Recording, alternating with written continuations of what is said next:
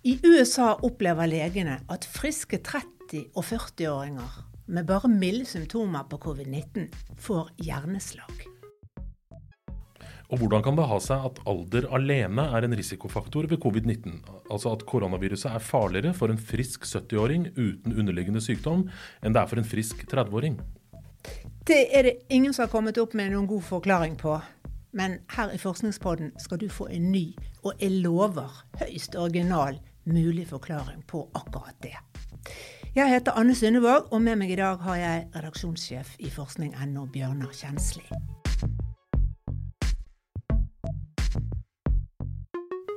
Men selv om covid-19 rammer de eldste hardest, så rammer dette viruset av og til også yngre, friske mennesker, Anne? Ja.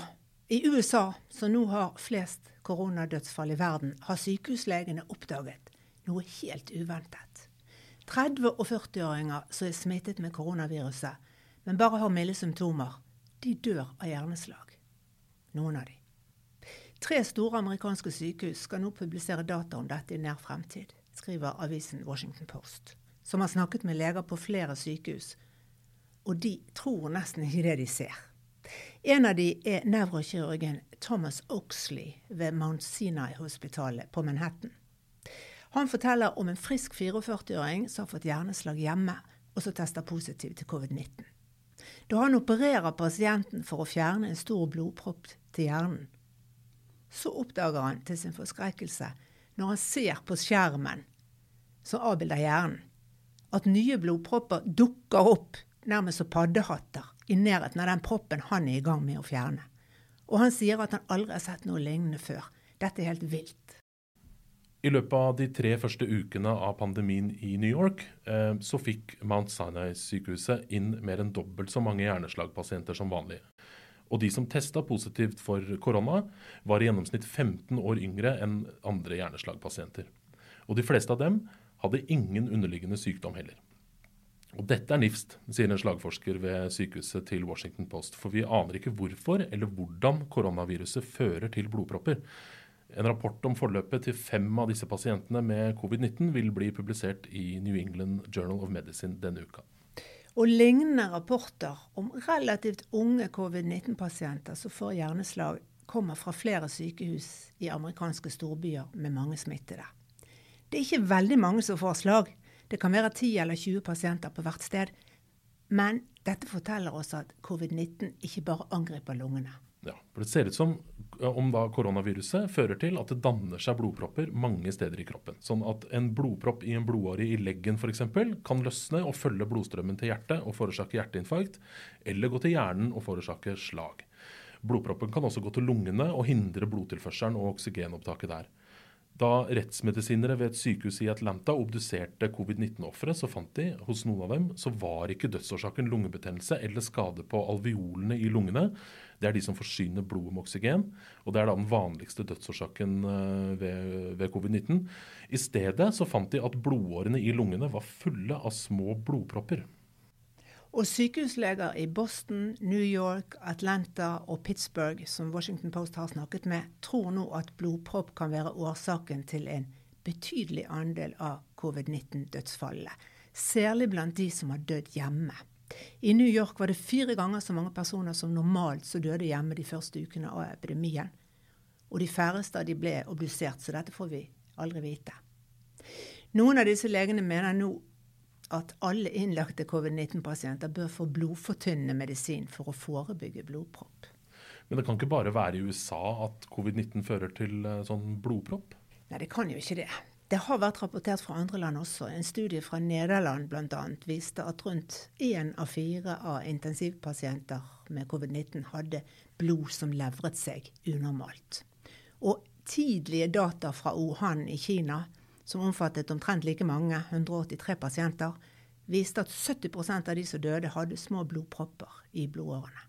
Men dette vet man ikke noe om hvorfor det er sånn, altså hvorfor covid-19 kan forårsake blodpropper? Nei, de biologiske mekanismene bak dette er ukjent foreløpig.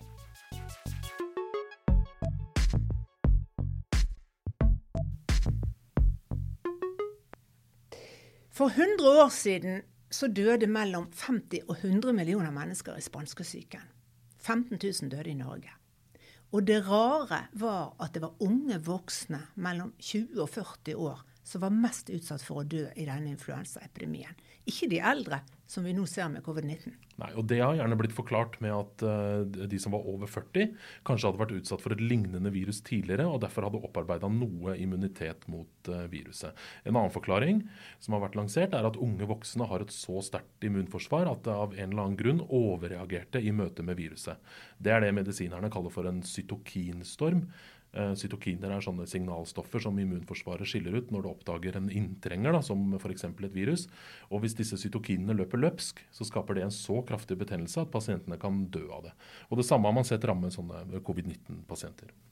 Men en demograf ved universitetet i Montreal, Alain Gagnon heter han, han syns ikke noen av disse forklaringene er overbevisende.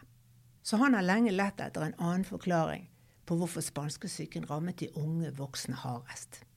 Og ved å studere dødstallene fra spanskesyken, så fant han ut i 2013 noe merkelig. Nemlig at det var spesielt mange 28-åringer som døde i den pandemien.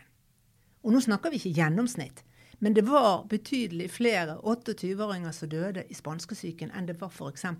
27-åringer eller 29-åringer. Den canadiske forskeren allierer seg med immunologer og mikrobiologer og eksperter på infeksjonssykdommer eh, og håper å finne ut av det her. Og så kommer en australsk og en amerikansk forsker dem til unnsetning. Ja, Det er dr. Dennis Shanks og John Brundage.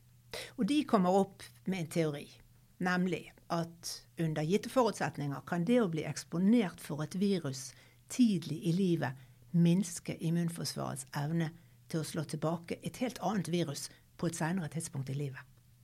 Og Da lener de seg bl.a. på studier av griser som har vist akkurat dette. At grisen som har vært eksponert for et virus tidlig i livet, blir sykere enn andre griser når den seinere blir smittet med et helt annet virus. Og Da legger demografen i Montreal to og to sammen. For de som var 28 år i 1918, de var født i 1890. Og i 1890 ble verden rammet av en annen influensaepidemi, som i Norge ble kalt eh, den russiske snuen. Det var også en pandemi som krevde mange liv, men ikke i nærheten av så mange som spanskesyken 28 år seinere. Forklaringen kan være at immunforsvaret til de nyfødte som ble eksponert for det russiske influensaviruset i 1890, lærte litt for godt at dette influensaviruset er farlig. Sånn at når immunforsvaret 28 år senere blir eksponert for et nytt farlig influensavirus, så reagerer det som om det er det russiske influensaviruset som angriper igjen, ikke spanskesykeviruset. Og dermed så får spanskesykeviruset herje fritt i kroppen, for immunforsvaret er opptatt med å bekjempe en ikke-eksisterende fiende, det russiske snueviruset. Ja, og dette er faktisk ikke et enestående tilfelle. Han eh, Gagnon har også funnet ut at de som ble født midt under spanskesyken i 1918, de var spesielt sårbare da Hongkong-influensaen kom i 1968, altså det året de runda 50.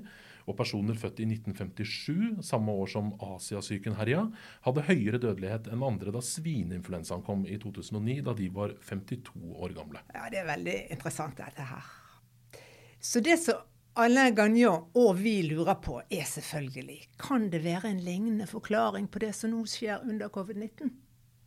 At immunforsvaret hos mange eldre mennesker reagerer feil på koronaviruset. Det feiler på målet fordi immunforsvaret deres stiftet litt for nært bekjentskap med et annet virus da de var i starten av livet. Vi vet ikke. En viktig forskjell er at denne gangen så handler det om et koronavirus, ikke et influensavirus, som i de historiske eksemplene som vi har nevnt. Så dette forblir en spekulasjon. Ja, Men det er en spekulasjon som er verdt å fundere på. Og når denne krisa er eh, over en dag, så bør jo noen prøve å finne ut om det er eh, mer enn en spekulasjon, mener eh, det britiske tidsskriftet The Economist, som skriver om dette her i sitt siste nummer. Og Bjørnar, hvis det er sånn at immunforsvaret kan gjøre samme feil med koronaviruset som med influensaviruset, vil da barn som blir født i 2020 være mer utsatt enn andre neste gang en pandemi rammer. Den som lever, eh, får se.